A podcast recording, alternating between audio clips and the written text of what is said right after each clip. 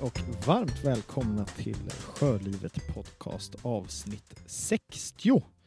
Eh, jag heter Karl Holmertz och precis som vanligt har jag med mig Benny Bounsgaard och Oskar Wahlheim. Hej! Hej, hallå, hallå. Oskar är laddad. Det är sällan man hör den där dynamiken i rösten. Ja, nej men nu alltså. Det, det känns skönt för att sommaren har lite försvunnit här. Jag sitter utanför Simlångsdalen i en bil och det duggregnar och är nio grader. Så att, Och då är du glad. nej men då, det här att få bryta av det. Jag har liksom gått i skogen och räknat träd nu en hel sommar. Jag, det, det, det, det här, det här. Båtarna. frysa lite. Frysa lite och sitta i en, i en skogsluktstinkande bil och prata båtar. Det är fantastiskt. Jag sitter faktiskt också i en bil nu Oskar, bara för vi har lite fin middag med gäster hemma över. Så jag, jag dissar den, jag smet nu bara för att eh, ja, det går inte, det går inte att undvika. Podden är rätt nice. Så nu sitter jag i en bil, men jag har haft den på så att jag har varmt i min bil. Varför har inte du haft din på? Det är inte okej att... Du slocknade lampan i min bil. Nej, den, är- den är för mycket att värma upp. en minut. Ja, det är inte okej. Hörni, vi har mycket vi ska prata om idag. Så att vi, eh, ska vi köra igång direkt kanske?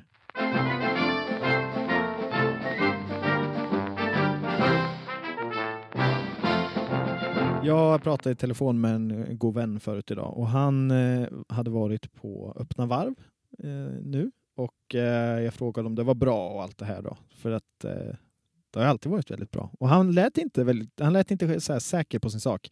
Han tyckte att det var väldigt bra för att den nya Halberassi 57an hade släppts. Och den ska vi prata om eh, alldeles strax. Men eh, han var också lite eh, fundersam för att det är ju, eh, vad heter det, Marstrand Boat Show samtidigt nu på Marstrand.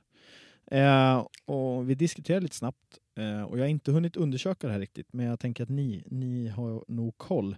Va, va, varför har man liksom, alltså tidigare år har ju Arcona och alla de här varit med på öppna varv. Varför är man inte det nu? Varför har man splittat på sig och varför väljer man att lägga det samma helg? Har ni koll? Alltså, Ah, Är lägga samma helg, då är det mellan säkert, företagen? ah, ingen aning. Men eh, alltså samma helg, kan jag tänka att det är lätt att bygga på en helg där folk är vana vid att men här är det en, en båtmässa. Nu ska jag på båtmässa den här helgen. Så att man någonstans kapitaliserar på den andras ja, men, Mm. kändisskap eller vad man ska säga. Ja. Nej, men alltså det, det var väl Halberassi som startade det öppna varvet egentligen ute på Orust för, Mm. jag tror det är så här 20, ja, men 20 år sedan eller något sånt där.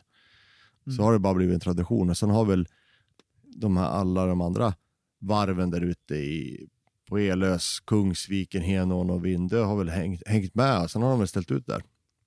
Sen tror jag någonstans, jag läste, jag försökte läsa på här in, innan men eh, jag, jag tror man hit, det var väl fler och fler som egentligen bara kände att nej, det var mindre motorbåtar och, och sånt där och då gjorde man väl någon utbrytning där och startade en egen mässa på Marstrand och sen där är det väl, tror jag. Mm. Att man Jag har förstått också att det är lite olika nisch på dem. Ja, precis. Okej. Så att eh, det är ju inte helt eh, alltså kört ändå för att det är ju inte så långt mellan så att man kan åka. Förmiddagen Ja. kan man vara på Marstrand och eftermiddagen på Orust kanske. Precis. Ja, nej men eh, då har jag lite, tack, tack, då har jag lite Mm. mer koll. Men eh, den här Halberassi 57 som har släppts då, det pratas ju en del om den nu. Eh, det är alltså Halberassi som har släppt en ny, ja, ny 57-fotare och den verkar ju... Stor. Ja, jag kan Ja, köpa vad är den. era intryck? Ja, jag, kan ju jag kan ju köpa den. Alltså om jag hade pengarna så hade jag köpt den. Ja. Alltså till och med jag blir ju, ty- tycker att det här är en fantastisk båt. Jag kommer, det finns, eh, Yachting World har gjort ett, eh, ett test av deras 62-fotare tror jag Mm. Där de är ganska sent, typ den här tiden på året eh, och seglar på västkusten. Så att, eh, jag har sett mycket inifrån den 62 och jag kan tänka att det är mycket samma i, i 57 att det är, det är snyggt, gediget och liksom anpassad för typ ett, ett par egentligen, eller två eller kanske fyra och Mm. segla långt och länge. Precis. Ja, den är ju jättestor alltså.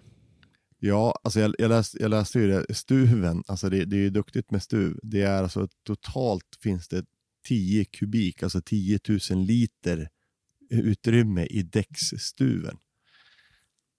Alltså min RJ85 är inte ens typ 10 kubik invändigt. Allt Precis. liksom men om alltså- man räknar stuv plus boende. Ja, men alltså bara däckstuven är på 10 000 liter. Det är, det är mycket stuv. Och sen tror jag till och med att de har någon så här, läste någon så här walk-in engine room. Inte så här walk-in closet, alltså nej, man ska ha ett walk-in engine room. Mm. Men det har de med den där, 60, vi ska länka till den där 62an, eh, den videon om den, om de inte har, om vi inte hittar en fin video på 57an. För då Mm. går de in i motorrummet och tittar så är det som en, en låda som hänger på väggen och fäller ner. Där det sitter liksom en reservpropeller och alla verktyg finns. Liksom. Att det, den är kittad till max liksom, så det är en riktigt skrytbåt. Men ah, alltså ha-begäret, mest prylar när man dör. Man kommer liksom riktigt långt med sån här båt. Ja. ja, den är tuff. Mm. Jag har ju också en sån där uppfattning om att eh, Halberassi är ofta de är väldigt välbyggda och så här robusta båtar. Liksom. Eh, och, och kanske då tunga. Och min uppfattning är väl att de inte är de absolut snabbaste båtarna. Men det, jag läser också, när jag läste lite om båten, att jag kanske har fel. Känner ni till Frers fartdiagram? Jag vet inte vad det är. Nej. Nej. Det har jag inte hört talas om. Det är säkert mått att mäta långsamma båtar. Ja, men i alla fall. Nu, nu läser jag på eh, en hemsida här då och då är det att den här båten är en verklig milätare som enligt det här diagrammet då kommer, alltså då kommer den, här, när den är lastad så kommer den att logga 8,75 knop vid 90 graders vidvinkel, alltså halvvind, eh, med 5 meter per sekund vindar. Helt enkelt.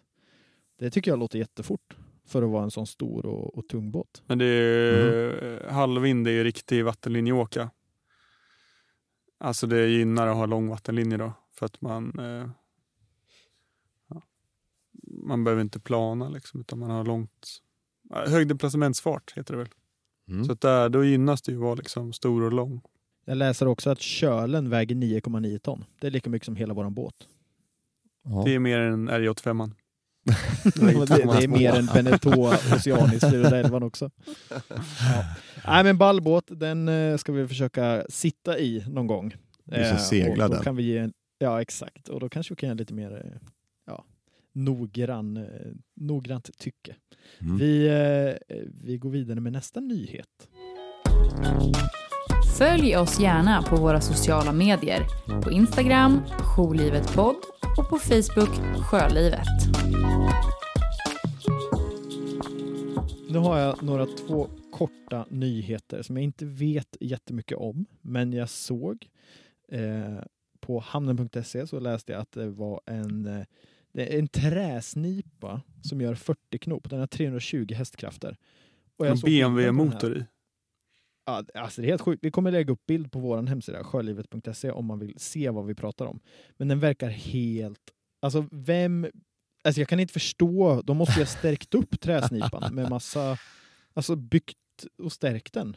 Ja, men både stringers och nya spann sitter säkert i. Och sen är det även, alltså snipan, ett sånt skrov är ju inte gjort för att gå fort. Nej. De ska ju bara ligga i fyra knop och puttra. De kan ju liksom inte plana, så de har bygga, på så stora bärplan bak i akten för att få stabilitet i det också. Alltså jag skulle bli så chockad om jag seglar och så blåser en träsnipa förbi 40 knop. Jag tror du nog lär, hade, lär ju ha hört den först. Ja. ja, det lär man ha Men gjort. det är också typ bara när den startar, man ser det ligger typ fyra sniper. Man, man ser riktigt sån västkustmiljö framför sig med lite så här mysiga fiskebodar och lite klipper. Och så är det en av de där som startar och bara vrålar om när det bara raka rör. Det är liksom inte en tändkula. Inte en, Nej, det är det inte. det är ingen säffle som går igång där. Och på tal om att, eh, att det ska gå fort, så jag kan ju som sagt inte jättemycket om det här heller. Ni lyssnare som kan mer får gärna höra av er. Eh, men det är ju alltså nytt fartrekord på Dalälv, Dalaälven och 106 knop. Alltså, va? Ja. Vad är det snabbaste, hur fort har ni åkt på sjön? Karl? Ja, 50 kanske? 40-50? Ja, Benny? Nej, ja 40 kanske. 45. Jag vet inte. Någonstans däremellan. Benny, hur fort har du åkt? Ja, men det är väl någonstans där med tror jag. Jag tror jag vill lä- lägga som max 45 knop tror jag. Mm. Ja, jag har gjort 61 eh, om man inte ens nära den här farten då. Man ska fortfarande Nej. nästan dubbla skiten. Så det är ju Alltså, det är helt sjukt. fruktansvärt fort. Ja. Det är alltså nästan 200 km i timmen. Ish, 180 kanske. Ja. 185. Nej, jag tänker bara på hur Jag har mycket inte soppa det går åt. Ja. Jag har inte kört bil Ja. så där fort. Va? Nej, Nej. jag är för snäll när jag kör bil. Jag är inte, Ja, så, okej. jag är inte så farlig som du är. Du lyssnar på Sjölivets podcast. Den enda och den största podcasten om sjölivet.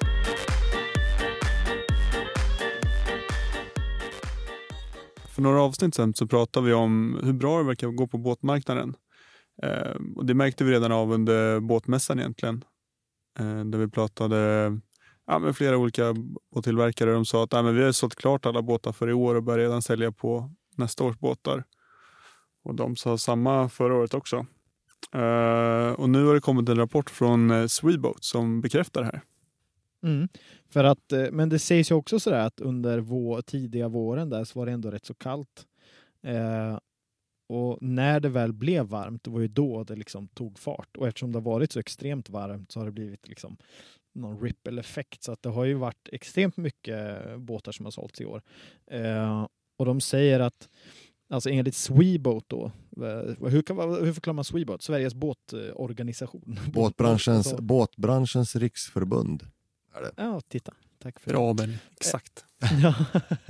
Men de, de säger i alla fall att ökningen 2018, det är ju inte slut ändå, men det kan landa på mellan, alltså en ökning på 10 till 20 procent. Och att antalet nya båtar då kan öka med drygt 20 000 båtar. Och det är ju jättekul. Det är för att båt, båtmarknaden har ju varit nedåt, alltså kurvan har ju varit neråt liksom, de Mm. sista åren. Så att eh, det värmer en båtnörd. Och det här visar ju också då, om man kollar typ på att Halber Rasse väljer att släppa en ny 57-fotare. Det kanske Ja. inte kommer säljas jättemånga i Sverige, men, men någon ändå säkert. Mm. Att, eh, det visar ju på att folk har pengar och råd att köpa nya båtar. Oh, Det är ja. inte bara Maxi 68 och Iffar som gäller. Och det blir spännande att se också vad som händer då för andrahandsmarknaden. Det borde ju betyda att, eh, för man kan misstänka att eh, det kanske inte är många som går köper en, eh, alltså köp- nybåtsköpet är inte en första båt, det kanske är en andra eller tredje båt. Mm. Vilket gör att det kommer fler båtar på andrahandsmarknaden, vilket kanske gör då att eh, ja, men det, blir, det blir lättare att få tag i en, en schysst begagnad båt. Det här Benny, Mm. du som är insatt i bang- begagnad, begagnad båtmarknaden kan väl hålla lite öga på det här och se om det ja, men om du ser att det förändras någonting eller händer någonting. Ja, alltså, jag, jag tror ju, för min del så tror jag nog att, jag brukar ju alltid säga så att har det varit en bra sommar så får du ju bra säsong. Alltså bra försäljning eller bra objekt som kommer ut. För fler och fler vi nämner ju, alltså må, många som sitter och tvekar, men har du haft en sån här kanonsommar i år så har det ju skjutsat på ordentligt och så kommer det nog bli en bra effekt till nästa år. De som gick och vela i år kommer ju definitivt vilja köpa en båt nästa år. Så um, jag tror det här kommer bli, nästa år kommer bli väldigt bra år och vintern också tror jag med försäljning. Så det ser jag fram emot. Mm. Ja men det är kul. Det här, det här är något som vi kommer fortsätta hålla koll på och Mm. ja, spana. Surfa mycket på Blocket. Ja Klassisk. men Blocket är bra ibland. Men det finns andra Ja, sidor så- också. Det finns mer sidor på internet. Blocket är bra, ingen spons. Nej, Nej. det finns andra sidor också. Följ oss gärna på våra sociala medier. På Instagram, Jourlivetpodd och på Facebook, Sjölivet.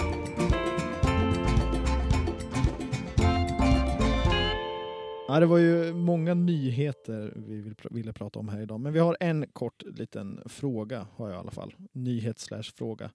Eh, och jag minns ju för några år sedan så hörde man ju, det var badförbud för att det var algblomning. Eh, och nu läser jag nyheter om att, att algblomningen ska ha slått rekord i år. Men jag har inte hört något om några sådana badförbud och risker med att bada och sånt. Alltså varför kan, du, du är ju marina läroverken Oskar, du kan ju det här. Mm. Jag tror, jag vet inte om det är att man går ut med sådana förbud längre. För att det, det är så oerhört liten del av dem, de algblomningar som är giftiga. Utan det är bara någon eh, alltså om det ens är en procent. Så jag tror man mer pratar om rekommendationer och allmänna råd är att bara inte bada där det är kraftiga algblomningar. Så jag tror inte att det är liksom förbud. tror jag inte finns. Det kanske var något som dina kära föräldrar Karl sa till dig, att nu får du inte bada. Ja, men, ja, jag kanske inte förbud då, men liksom så här varningar om att bada Mm. inte. Nej, men man har ju sett också på många, eh, ja liksom ni är väl med på alla de här olika Facebook-sidorna och många efterfrågar ju så här, vart är det mycket alger, vart är det inte, vart kan man bada? För det var ju en period i somras när det var riktigt varmt och det var algblomningar i stora delar av Stockholms skärgård. Men sen så försvann det. Så att även alltså på Mm. slutet, vi hade på Blidö så hade vi ja, men 23 grader i viken men inga alger alls. Vilket är märkligt Ja, för när det är så varmt så brukar det verkligen vara.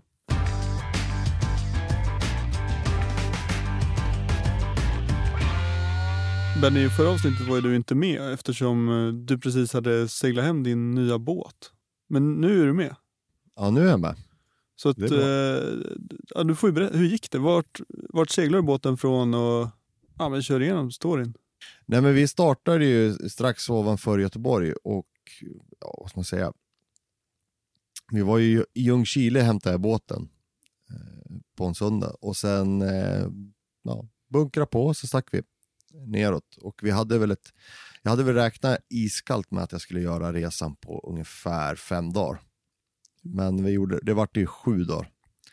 Mm. Och vi hade ju ett, nu minns jag inte riktigt, men jag får mig fredagen, eller om det var torsdagen redan, så hade vi ju, jag hade ju koll på vädret och jag visste att det skulle bli ett busigt väder på, på fredagen, där skulle det börja dra till. Men eh, den här stormen som drog in på västkusten, den hade jag väl inte riktigt fått grepp på då när jag skulle sticka iväg att den skulle komma.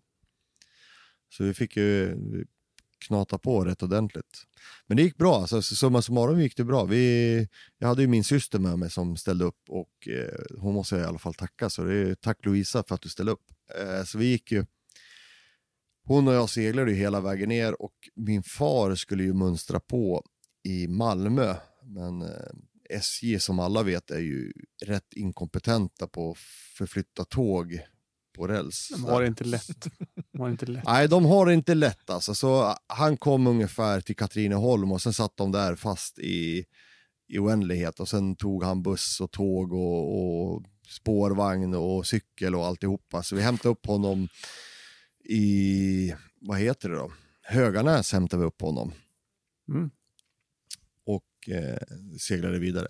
Och min syster då, eh, hon var lite sjösjuk så hon hoppade av i Ystad. Sen, sen smet hon från, från båten. Sen pallade inte hon med, med, med något mer.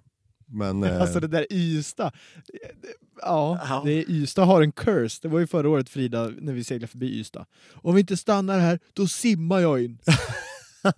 Ja, när du skulle segla till Almedalsveckan. ja. Ja, förlåt, fortsätt. Nej då, det är ingen fara. Nej men vi gick, alltså just det, sen gick vi där och sen, sen var det ju så att båten, båten har, kan ha cirkus 200 liter plus diesel i sig. Eh, och eh, så sitter det så här som en, ja, vad är det, typ som ett ekolods eh, tankgivare är det som sitter och, och, och pejlar av Ja, tanken. sån här som knackar utanpå. Och lyssnar. Va? Liksom. Ja. Ja, de, Ja, knack, men typ, de, de knackar lite på tanken och lyssnar om det är... ja, jag vet inte fan vad den gör, hur den riktigt funkar. Men du vet, den, är ju, den är ju rätt värdelös i, när det går sjö. Därför då skvalpar det ju duktigt i tanken och då kan det ge all, allt utslag från supertom till jättefull. Så när vi gick ut, jag tror vi hade kommit till, eh, ja, vi var väl ute vid Utklippa ungefär. Så tittar jag på tankmätaren och ser att den sitter ungefär på en fjärdedels tank och då räknar jag ut, okej vi har 50 liter kvar. Och någonstans i mitt bakhuvud så hade jag satt förra ägaren hade sagt att den här drar två liter distansen. Ja. Är full kareta. Och då vet, det var ju så här, okej jag har 25 distans jag kan ta mig nu på 50 liter. Så det var bara att dra en ring runt och sen inse att okej jag kommer inte in någonstans där det finns att tanka. Så det var ju bara att stänga av motor, hissa segel och upp med, ut med genoan, upp med förstagsseglet, upp med storen, upp med busalsegel, alltihopa. Sen var det bara, pff, sen var det bara att köra. Nu behövde det segla båten också. Ja, jag fick ju segla båten också. Vi Det är galet. Hemskt. Oh. Mm. Oh. Vederstyggelse. Mm. Så det där borde förra ägarna varnat om. Precis. Akta dig för det. Nej, för fasen. Vi, vi kunde inte segla så ofta. Vi hade, vi hade inte tid för det helt enkelt. Det var ju bara att brassa så mycket det bara gick på motor. Och stödsegla såklart. Men vi, vi lyckades i alla fall komma, eller vi lyckades eh, ta oss till ett ställe som heter Sandhamn som låg i, ja, vad ska man säga, södra Något Blekinge. ställe som heter Sandhamn. Nej, Jaha, det finns- Blekinge. Det finns flera Ja. sandnamn. Det finns fler sand. Det Ja, ligger nere antingen i... precis. Stockholm. nej, nej, nej, nej, för fasen. Det här är en liten fiskeby. Skitmysigt var det. Mm. Så där, där la vi oss och sen började det bralla i riktigt ordentligt. Och sen insåg jag ju rätt snabbt också att jag, bogpropellen hade jag väl sugit in någon pinne så jag fick brytit av brytpinnen så jag hade ju tappat bogpropellen också. Ja. Och jag kan väl säga så här, segla en Malu 50 och lägga till med en sån kontra en vanlig segelbåt, det är inte, alltså det är inte lätt. Så det var lite så här paff, kan jag säga. Så, Det är bättre ute på men det gick bra. Ja, precis. Nej, men det gick bra. Sen, eh, sen var det upp med Kalmarsund, Kalmarsund och då hade vi ju, som sagt, då hade ju de här vindarna börjat kommit och vi såg väl att eh, vi skulle väl ha runt 15-17 meter i sekunden skulle väl ha rätt i akten. Mm. Så vi länsade väl. Vi rullade in eh, halva Genuan och sen hade vi full kareta. Så vi, jag tror vi låg och surfade nio knop tror jag. På, på vågorna. Så det var ju perfekt.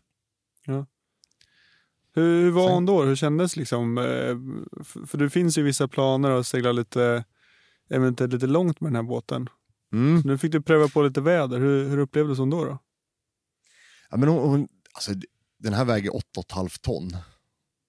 Så eh, hon är ju aldrig, det var aldrig så att jag upplevde att det var för otäckt eller något sånt där. Det var ju snarare tvärtom. Det var mer så att när det, när det blåste ungefär 10-11 meter i sekunden så kunde man ändå ha fullt segelställ uppe utan att man kände att man tappade kontrollen, att de krängde för mycket. Utan det var ju ungefär det registret hon, hon trivs i. Så eh, hon behöver lite vind för att gå. Ja, men hon behöver, hon behöver vind, men också så att det är inte så att det går att, att hon flyger runt och flänger i vågorna. Även om det var uppskattningsvis, säg två meter vågor, så var det inte så att vi flög runt som, som en tvålkopp precis, som man kan annars tycka. Så, åh, ja, men hon ligger stadigt, så det var, i, det var lärofyllt. Mm. Sen nu ligger hon hemma i, i Grodhavet. Nu ligger hon i grod, Grodsjön, ja. Gör hon. Ja. Så, Hur trivs hon där då? nah, det skulle nog vara lite mer vågor tror jag. Ja. Mm. Men, eh, nej, men det funkar bra här. Så eh, Mm. vi, vi klagar inte. Det är bara den här bokpropellen jag ska fixa här nu i nästa vecka. ja, men vad kul. Eh, jättespännande. Du fotade lite från den här resan så att eh, på, om man går in på sjölivet.se så kommer man ju få se lite bilder från den här seglatsen. Eh, och sen tänker jag att det kommer väl dyka upp kanske lite på våra sociala medier också under vintern för att liksom locka lite till den sommaren som en gång var och som snart kommer igen då.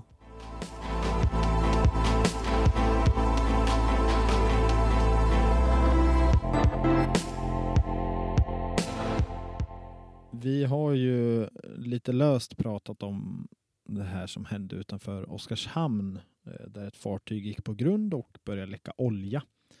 Eh, och Det här har ju också skapat en debatt, eller ögonen kan man väl säga har lyfts lite grann, eller blicken har lyfts till problemet faktiskt som vi har med eh, att vi, vi kan inte idag kontrollera eh, alltså sjöfylla på utländska fartyg.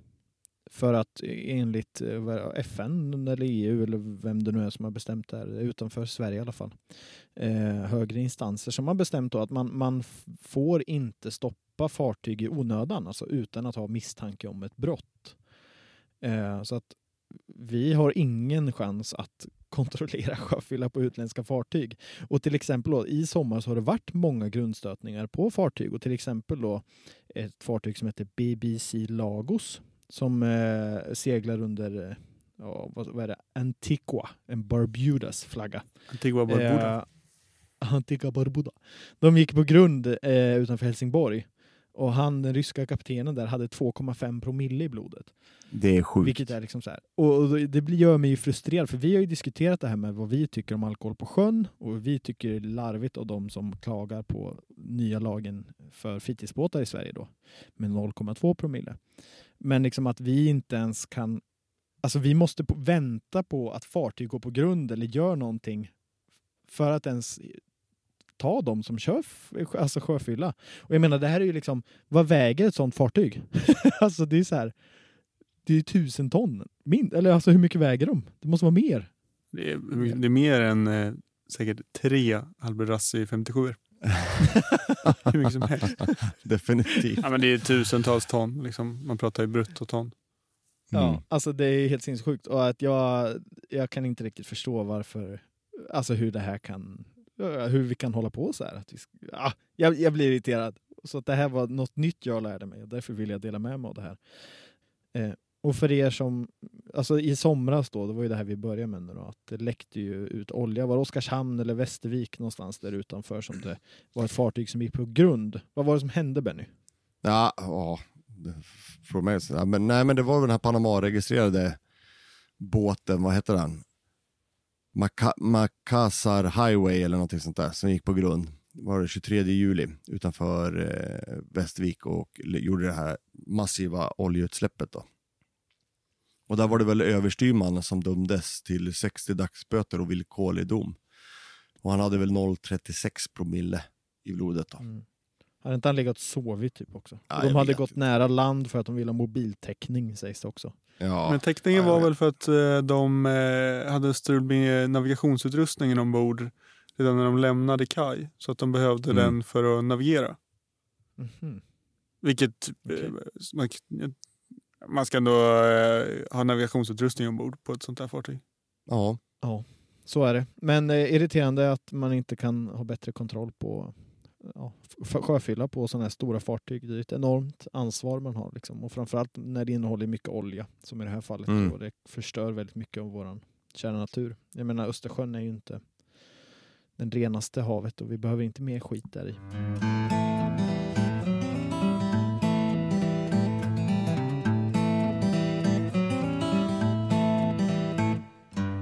För eh, några dagar sedan så fick vi ett mejl. Eh, och vi, vi får ju många mejl och vi försöker svara på alla och vi försöker, vi försöker prata om era tips och idéer. Men det är vissa saker faller, faller ju mellan fingrarna sådär. Men vi fick i alla fall ett mejl av Mattias Svanholm som eh, han ville höra lite grann om våra åsikter och tankar kring skillnader mellan olika typer av båtar eller olika segelbåtar egentligen framförallt. Alltså skillnader mellan då till exempel Bavaria, Beneteau och Halberassi. Alltså vad som faktiskt skiljer de här båtarna åt. Och, Och, eh, och om eh, svenska båtarna, som typ eh, Halberassi Najad och Malö, är de mycket bättre än de tysk massproducerade båtarna?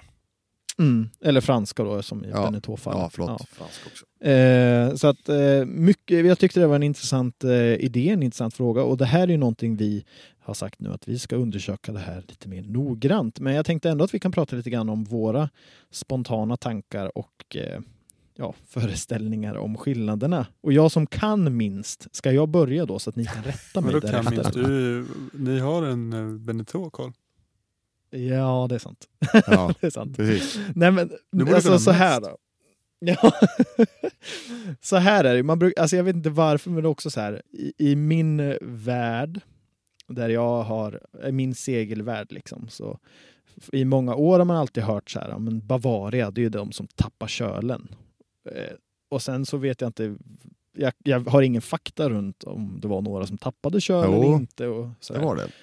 Det var Bavaria Match 35 som tappade kölen Mm. en gång i tiden. Jag har ju också läst om den här eh, Beneteau First 40.7 som också Tappade tappade, kölen. kölen på en Atlantöverfart och typ tre Mm. personer dog. Mm. Ja, man har hört eh, mycket sådär, eh, ja jag vet inte. Men för mig är det också så här, Bavaria för mig, jag har en idé om att det känns som ett Scandic hotell. Men det har jag också insett att det gör ju även, alltså för mig är det så här, okej nu, nu svamlar jag mycket här, men typ våran Beneteau till exempel då. Eh, det är en 411, alltså 41,1 franska fot. Eh, och det är mahognyinredning, det är väldigt mycket detaljer alltså i mörkt trä. Och det tycker jag är extremt eh, fint. Eh, och varmt, det blir som ett hem. Liksom. Och, men den här är från 2001. Och min idé om lite grann om hur Bavaria är, är kanske för att de också efter typ 2006 så börjar man med liksom väldigt kala, plana, enkla ytor. Ljust trä oftast, inte så mycket ytor, alltså förvaringsutrymmen, utan väldigt så här.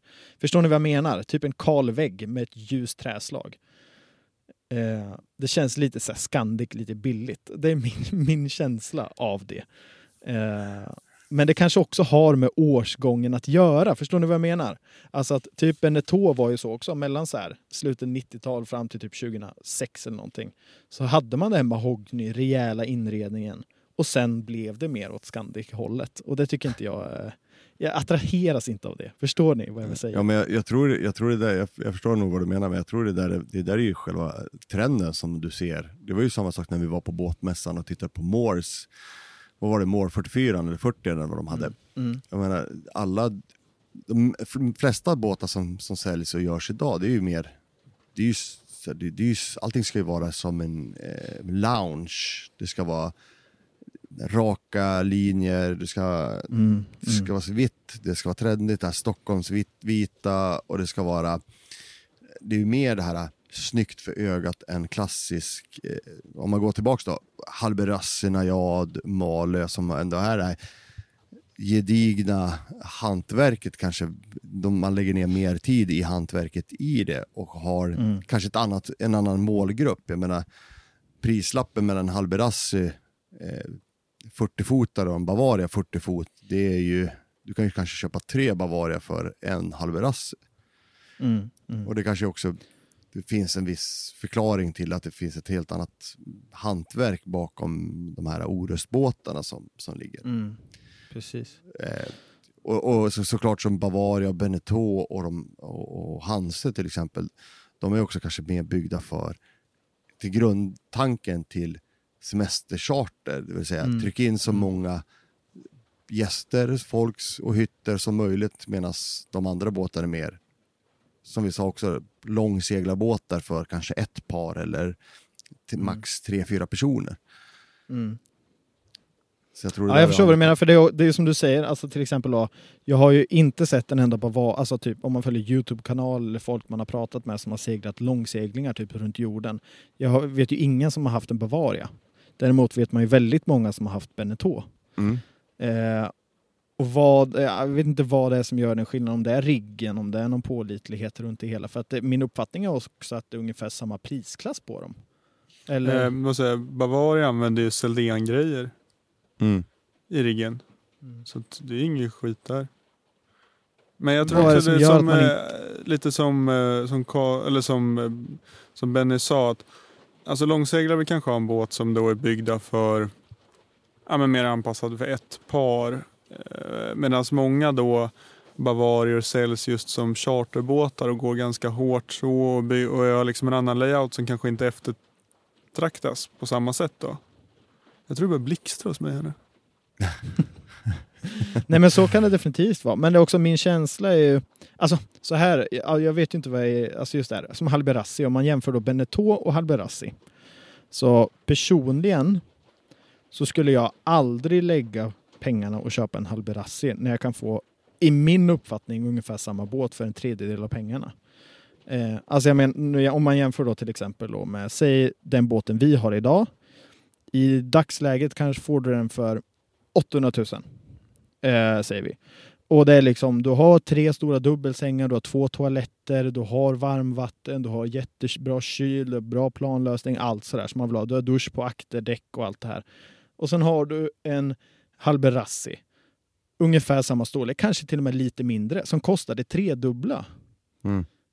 Och jag, jag vet inte, jag ser inte värdet i att lägga det tredubbla när jag får samma upplevelse på sjön. Är det så att Halberassi är betydligt mer hållbart? Eller vad är det som gör att det är så pass dyrt? Är det bara att det är svenskbyggt? Dels är det väl svenskbyggda, men sen är det väl också då som vi pratade om, alltså kvaliteten och tiden man lägger ner. Sen sitter det säkert också, alltså det, visst man betalar lite för namnet där också. Ehm, du har ett högre andrahandsvärde så att ja, du får tillbaka med pengar du säljer. Men sen också vad man Mm. har på det, alltså vad det sitter för vinschar och alltså hur typ roderlänkage och sånt där allting är uppbyggt. Se- Sen är det Det ju är hela sådana produktion, produktionen är ju också annorlunda. Jag menar, Bavaria har ju löpande bandprincipen, som, precis som du har på bilar. Medan vad jag förstår Halberassi har väl en, en dedikerad inredningssnickare till din båt. Från start, från start till slut. va. Mm. Så jag, jag, jag, det, är nog, alltså det är ju svårt att likställa de, de två typer av båtar. Det är snarare lättare att jämföra Bavaria, Beneteau och, och Hanse till exempel i, i en kategori. Och de här lite mer Blue Water Cruises-båtarna, Orusbåtarna i en annan kategori. Men vad är det som gör, alltså vad får du ut under de somrarna du seglar? Vad får du ut av en Halberassi som du inte får ut på en Beneteau eller Hanse eller något sånt? Nej, men det blir Men- som att säga, ja, men vad, om du har en jättefin bil. Mm. Vad får du ut av en Skoda kontra en BMW eller vad får du ut av Ja. en, en Dacia kontra en, en, en Merca, Merca. när du är ute och kör, kör i, i, i, i skogen? Ja, det är väl helt och hållet vad du själv vill, vill lägga pengar på. Är du bara ute och ska ut i Grodviken här och, och, och åka fram och tillbaka och semestersegla, ja men fine, gå med en Bar- Bavaria, alltså det är ju jätterymliga båtar, alltså vilka båtar du får för pengarna. Så är det ju. Och Jag har seglat Bavaria köpt det- till eh, Polen i Ja. oktober.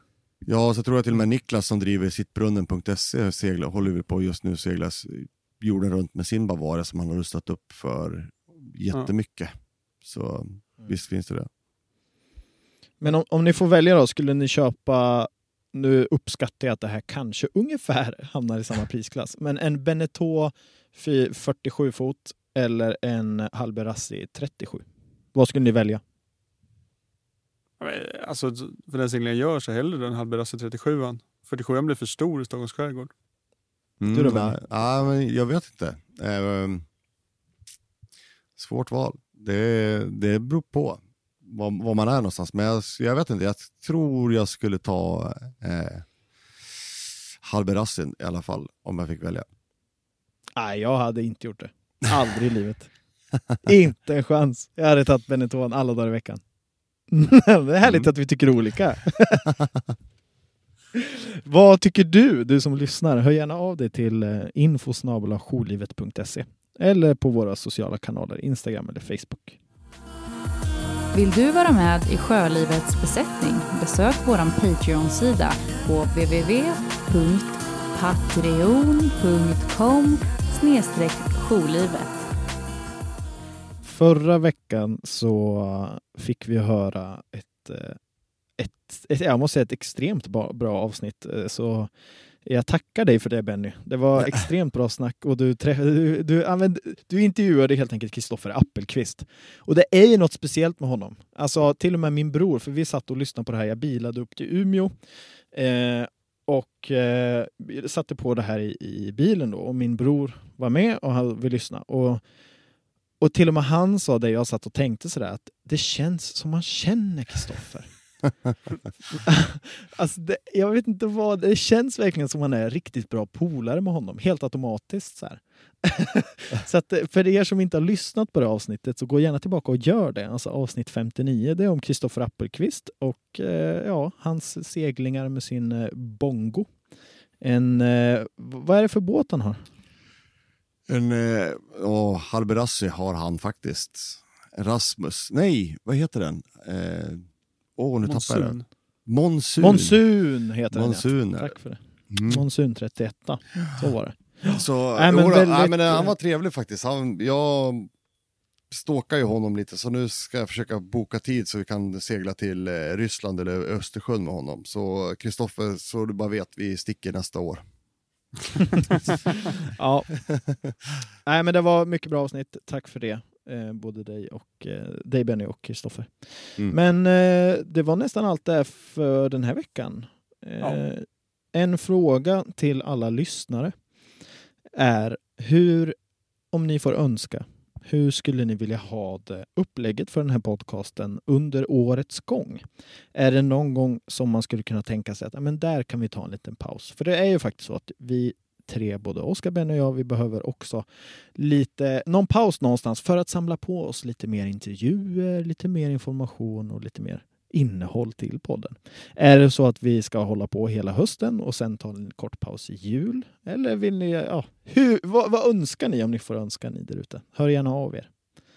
Vart ska de höra av sig? Ja, Oskar, det kan väl du svara på? Det kan jag svara på. Då, då kan man skicka ett mejl till eh, info.sjölivet.se eller om man vill skicka till mig. Då blir det Oskar med C. At sjölivet.se. Lite Karl. Då är det Karl. At sjölivet.se. Med C, med C. också. Ja. Mm. Och, eller till Benny då, utan C. At sjölivet.se. Eh, Ja, eller om man bara kommenterar på en Instagram-bild eller skriver till oss på Facebook. Det hamnar liksom hos oss på något sätt ändå. När ska ni ta upp båtarna? Aldrig. Nej, det blir inte jag. Jag flyttar till Umeå om en vecka. Så att eh, det blir mamma och pappa. Så Jag var i Umeå i helgen. Det var kallt. Inte lika kallt som här nere i Halland. Ja, vi får väl se när vi plockar upp dem. Men eh, tack för idag killar. Tack själv. Hej då! Hej då!